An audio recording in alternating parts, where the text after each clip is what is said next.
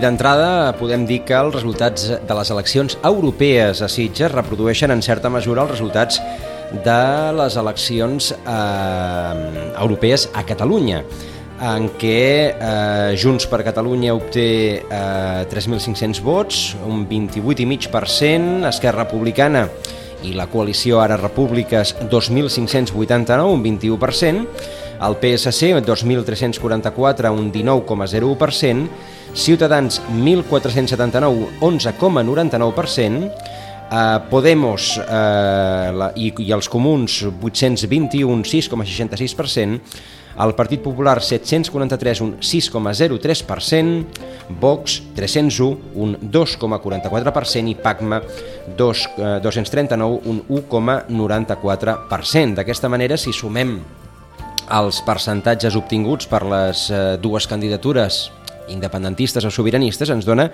un 49 i escaig per cent, exactament replicat el mateix percentatge que han obtingut aquestes dues candidatures a nivell català. Per tant, doncs, es torna a confirmar allò de que Sitges és com una miqueta de reflex de la realitat, eh, de la realitat catalana. Joaquim Millán, bon dia. Totalment d'acord, eh? vull dir, cada vegada més eh, tenim aquí eh, eh, un, uns resultats que acaben reflectint més o menys el que està passant en termes genèrics eh, arreu de Catalunya no? en qualsevol tipus d'elecció. No? Malgrat aquesta vegada les europees eh, era una cosa i les municipals una altra perquè aquí teníem 13 llistes, cosa que complicava molt la, la decisió. Però amb les europees el reflex és és quasi, quasi exacte. I s'ha produït també, o s'ha reproduït, el, el fenomen de, del que s'anomena vot dual, és a dir, la gent eh, ha votat una cosa a les europees correcte. i una altra cosa a les municipals. Uh, correcte. Bueno. De fet, eh, això seria també una mica el que seria la maduresa política no? d'una societat, en aquest cas la sitgetana, en la qual interpreta que són dos tipus d'eleccions diferents.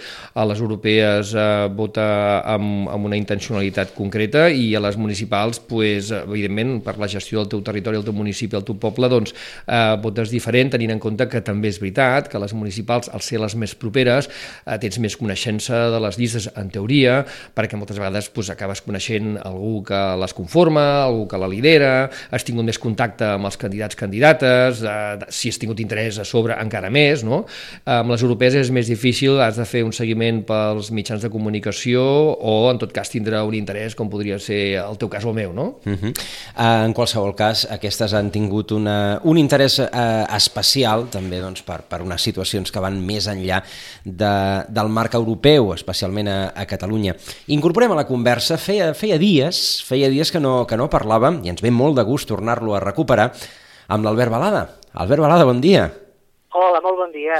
Uh, us saludem l'endemà d'unes uh, eleccions uh, europees um, que, que tenen molt interès per, per, per poder-les analitzar des de molts punts de vista, des de, gairebé des, de, des del punt de vista gairebé sociològic, fins, a, fins als resultats a, a nivell global. No sé si tindrem temps de, de, passar, de passar per tanta cosa, però ara a, a, amb en Joaquim estàvem comentant d'entrada, allò per, per començar amb el més proper i acabar amb el més llunyà, si, si us sembla, en aquest, fen en aquest fenomen de, de, del vot dual sense, sense sortir de, diguem d'una eh, d'una opció ideològica de caràcter nacional, és a dir, eh, molta gent ha votat una cosa a les municipals, Esquerra Republicana, i una altra cosa, en aquest cas eh, Junts per Catalunya, a les, eh, a les eleccions eh, europees i per tant doncs, no hi ha hagut un, un efecte crida de vot d'una cap a l'altra, per entendre. I després afegiria que fa un mes vam tindre les generals,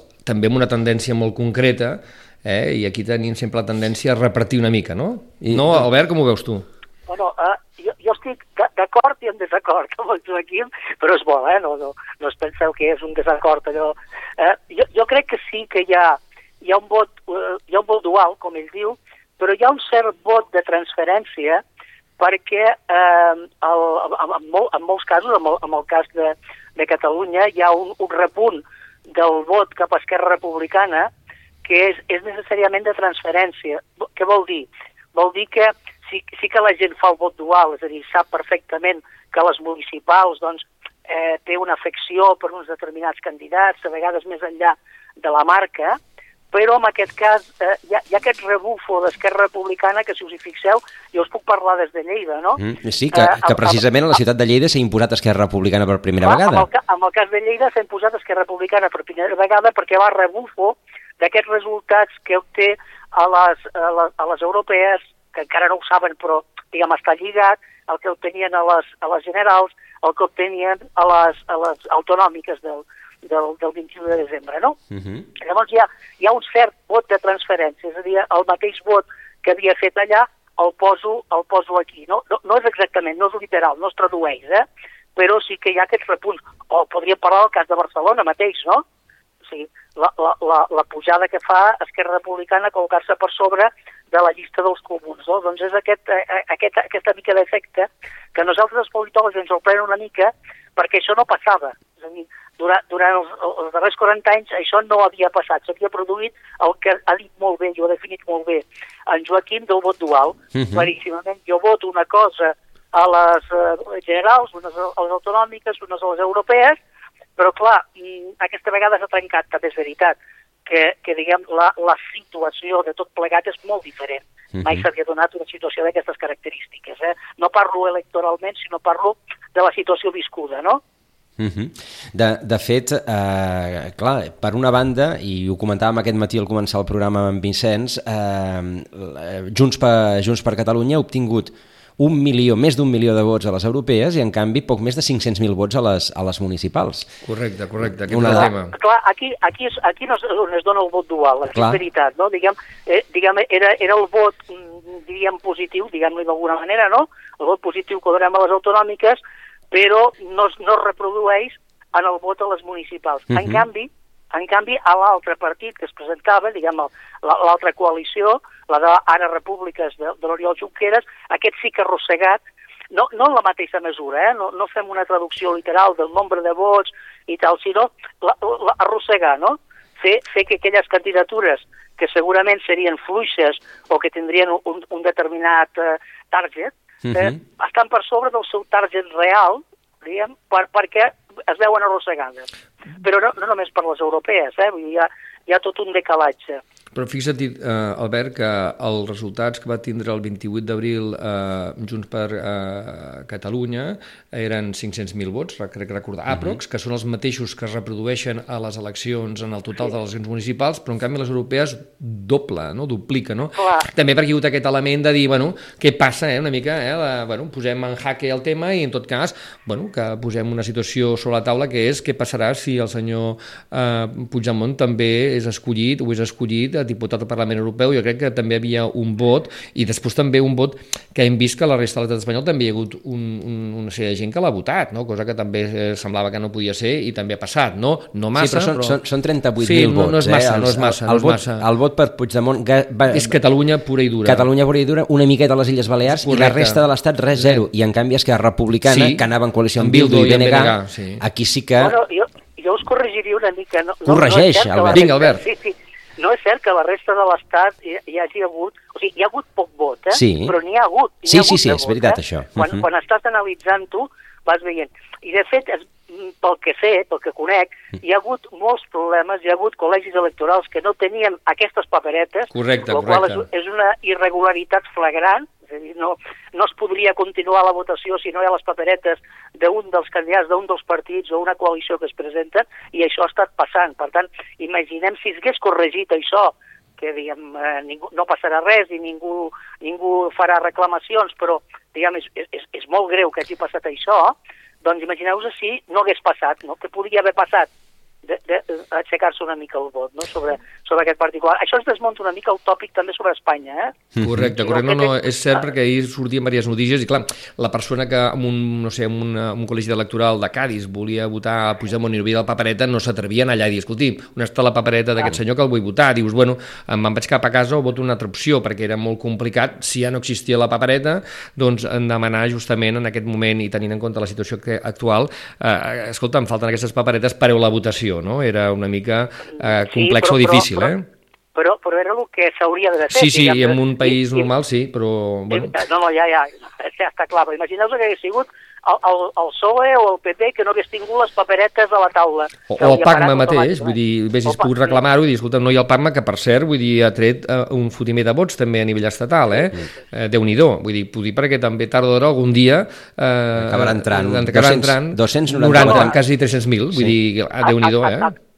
Acabarà entrant i ja veureu com via municipal acabaran entrant és, és un partit que va, es va presentant constantment i sempre Correcte. va creixent, poc a poc, però va creixent moltíssim. Uh -huh. el, el que també sorprèn eh, en clau eh, estatal és que, eh, tenint en compte mica els vots de fa un mes amb les europees d'ara, eh, la tendència del Partit Socialista i el Partit Popular ha sigut millorar una miqueta, no gaire, Ciutadans i Podemos han baixat una miqueta, no gaire, però han baixat, i per mi la notícia és que Vox fa un mes eh, tenia 2.677.173 vots, és a dir, un 10,26% a l'abril, eh, i ara al maig ha eh, perdut la meitat, eh, s'ha quedat només amb 1.388.681 vots, 6,2%. S'han quedat a casa, Albert? Bé, possiblement és que s'està reposicionant el vot, el vot de la dreta. Eh, Fixeu-vos que a més això va bastant en paral·lel respecte de Vox, amb el que li ha passat, jo només tinc dades en aquest moment de, de lo que és Andalusia, uh -huh. Andalusia, per lo que sé jo, no han tret regidors. Eh, Imagineu-vos, estan al govern d'Andalusia, en canvi no treuen regidors. I, vull dir, per tant, algú li està passant amb aquest partit. Segurament haurà, haurà tocat el seu sostre electoral i a partir d'aquí tot anirà cap a la baixa. És el que seria previsible. A les municipals hi ha un problema que és que has de trobar gent per fer les llistes. També, també. I has de tenir gent a, a cada lloc que tingui ganes de donar la cara per fer les llistes. I, i no un o dos, sinó, per exemple, 21. Per exemple, si és mateix, no? Pues has de buscar 21. Podem trobes 4, però no 21. Llavors no pots fer la llista. Sí, sí, però, però, però d'acord, tots aquests problemes hi són, uh mhm. -huh. però a banda, de, a banda de que hi siguin, ells sí que presentaven candidatures. Ja. Uh -huh. Ja les tenien. Per tant, no obtenir vots vol dir que el, el vot eh, que els hi havia anat amb ells s'està reposicionant. Eh, jo sóc dels que sostinc que aquesta és la part més radical del Partit Popular, yeah. que no trobava amb les seves candidatures doncs, la resposta i, per tant, se, se cindeix. Uh -huh. No és una decisió directa, però però, però en realitat és això, no? Llavors, el seu sostre electoral jo crec que a partir d'ara anirà més a la baixa que no pas a l'alça. De fet, el Partit Popular, en, en termes generals, eh, puja 4 punts del 28 d'abril al 26 de maig. És a dir, Clar. per això el Casado, malgrat les crítiques, aguanta, perquè sap que d'aquí uns mesos igual el PP torna a repuntar, en aquest cas ja no hi haurà més eleccions de moment, però de moment ha aguantat, mm, inclús, mira, amb la possibilitat de governar a Madrid, amb la qual li dona aire, ah. i per tant sabia que aguanto perquè eh, és un efecte boomerang, després tornaré i ja ningú s'haurà una mica oblidat de la situació anterior, no? E, efectivament, es reposiciona tot una mica. És que, clar, a, a, a vegades pensem que ara estarem tres anys sense eleccions, però portem una, una drecera de, de, de tots els processos electorals i en el cas del PP, amb un trencament absolut amb el, amb el discurs inicial, vull dir, un nou líder amb uns escàndols que l'envolcaven, eh, tot, tot ple d'escàndols amb assumptes que encara estan al jutjat, per tant, eh, havia de fer un discurs que l'allunyava una mica del seu target habitual. Perquè ens entenguem, si el PP fa un discurs que intenta competir amb Vox, el PP caurà. Uh -huh. uh, si us hi fixeu, el discurs que han fet a les europees, eh, també, també és perquè era un escenari diferent, però el discurs era de més moderació que és el que li dona un target més gran, pot escombrar més vots, però si estàs competint amb els de Vox et guanyen els de Vox. Sí, correcte, perquè no estàs posicionat en el, a, a, allà, on, allà on et toca. En qualsevol cas, Exacte. Um, quin, uh, uh, fins a quin punt la, diguem, la carta europea o, o, o la idea d'Europa ha primat o no, o ha primat primer la política interna, en el cas català diria que és molt clar, però en aquestes eleccions? Jo diria que en aquestes, aquestes eleccions a tots els estats de la Unió ha primat la, la clau eh, estatal, la clau nacional. Uh -huh. O sigui, uns per una raó, uns, uns altres per una altra, però aquesta ha estat la, la, la, la, la, la constant, diguem, d'alguna manera. Si us hi fixeu, l'estat veí, a, a la República Francesa, eh, pràcticament no s'estava parlant de les eleccions europees, s'estava parlant de com Marine Le Pen eh, estava doncs, esgarrapant a, a, a Macron i com Macron s'estava esfonsant per tot el que li passava a nivell de política interna, les armilles grogues, totes aquestes coses, no? Uh -huh. que, que ha, quedat, ha quedat un punt per sobre. Bé, això no és una qüestió europea, No, Això és no. una qüestió absolutament interna. I podríem anar seguint país per país sí, sí. i veuríem què passa això. A Gran Bretanya mateix, diguem, que, que, que ha tingut que presentar candidats a últim moment perquè el Brexit no s'havia eh, formalitzat, doncs quin és el, el partit que ha sigut el guanyador? Doncs el partit que està més a favor del Brexit, no? Això és en clau interna, claríssimament. I, i, i la posició en què han quedat els conservadors que en clau interna, és a dir, els conservadors estan en hores baixes, també els laboristes estan en hores baixes, no?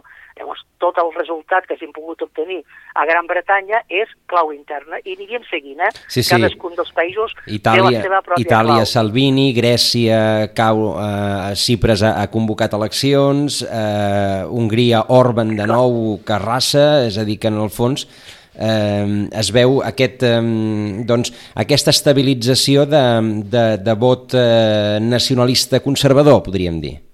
Sí, jo, jo de fet eh, eh, estava comptant, estava sumant el, els vots que tenen, diguem, els que diríem euroscèptics, a mi no m'agrada l'expressió, perquè diguem, sempre he sostingut, i aquí al vostre programa ho he dit moltes vegades, mm -hmm. que diguem, hi ha, hi ha una batalla entre confederalistes i federalistes.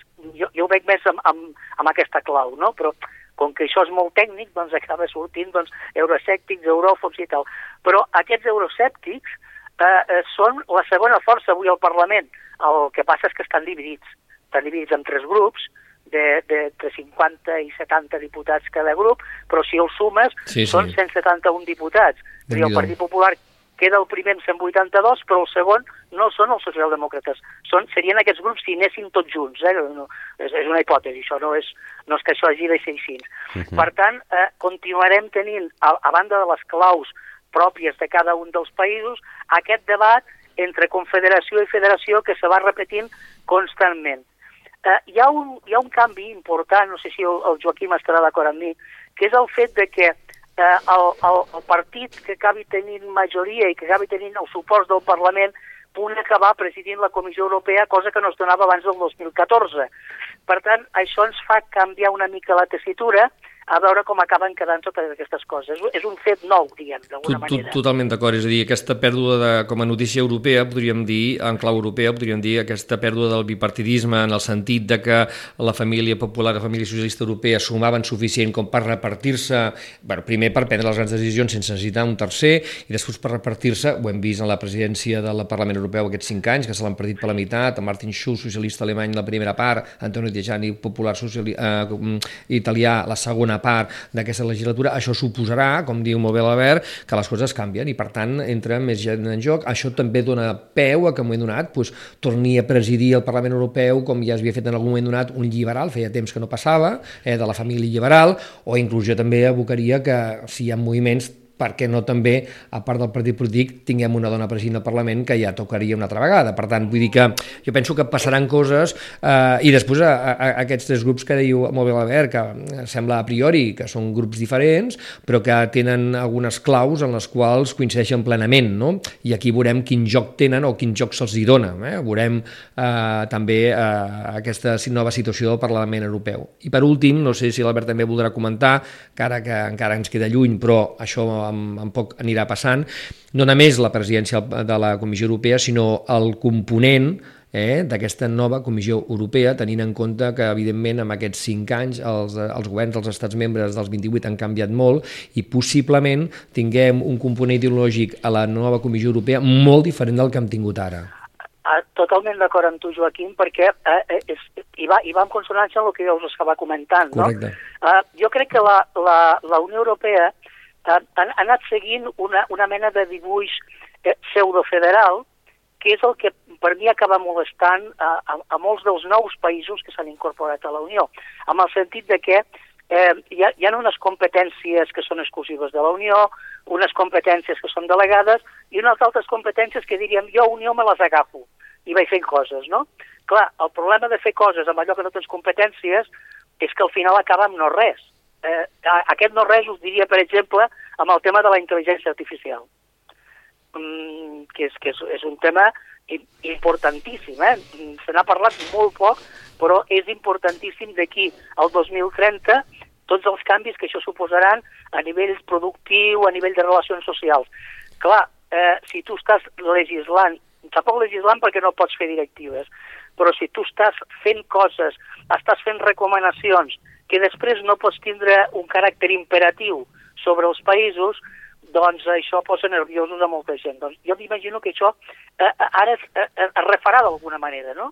I hi haurà, a més és bo, que hi haurà un debat polític plural, eh, perquè hi haurà diverses visions, les diferents visions d'Europa, que d'alguna manera el, el Joaquim ho estava dient. Doncs, tradicionalment hi ha hagut un repartiment Partit Popular, Partit Socialista Europeu, i bueno, ja, ja ens va bé, aquest és el nostre status quo, que es trenca. En aquest moment s'ha trencat. Doncs se'ns planteja una legislatura, cinc anys de, de transició cap a, cap a alguna cosa que probablement serà diferent al que, al que hem vist fins ara.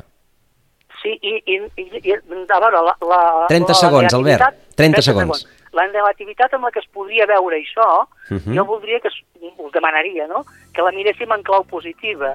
És a dir, si som realment demòcrates, doncs pensem que la pluralitat en la, en la presa de decisions és bona, sempre és bona. Albert, moltes gràcies per, per l'anàlisi i per l'estoneta. Totalment d'acord, Albert, ens veiem aviat. Joaquim, seguirem parlant. Seguim parlant. I a tots vostès, moltes gràcies i fins demà.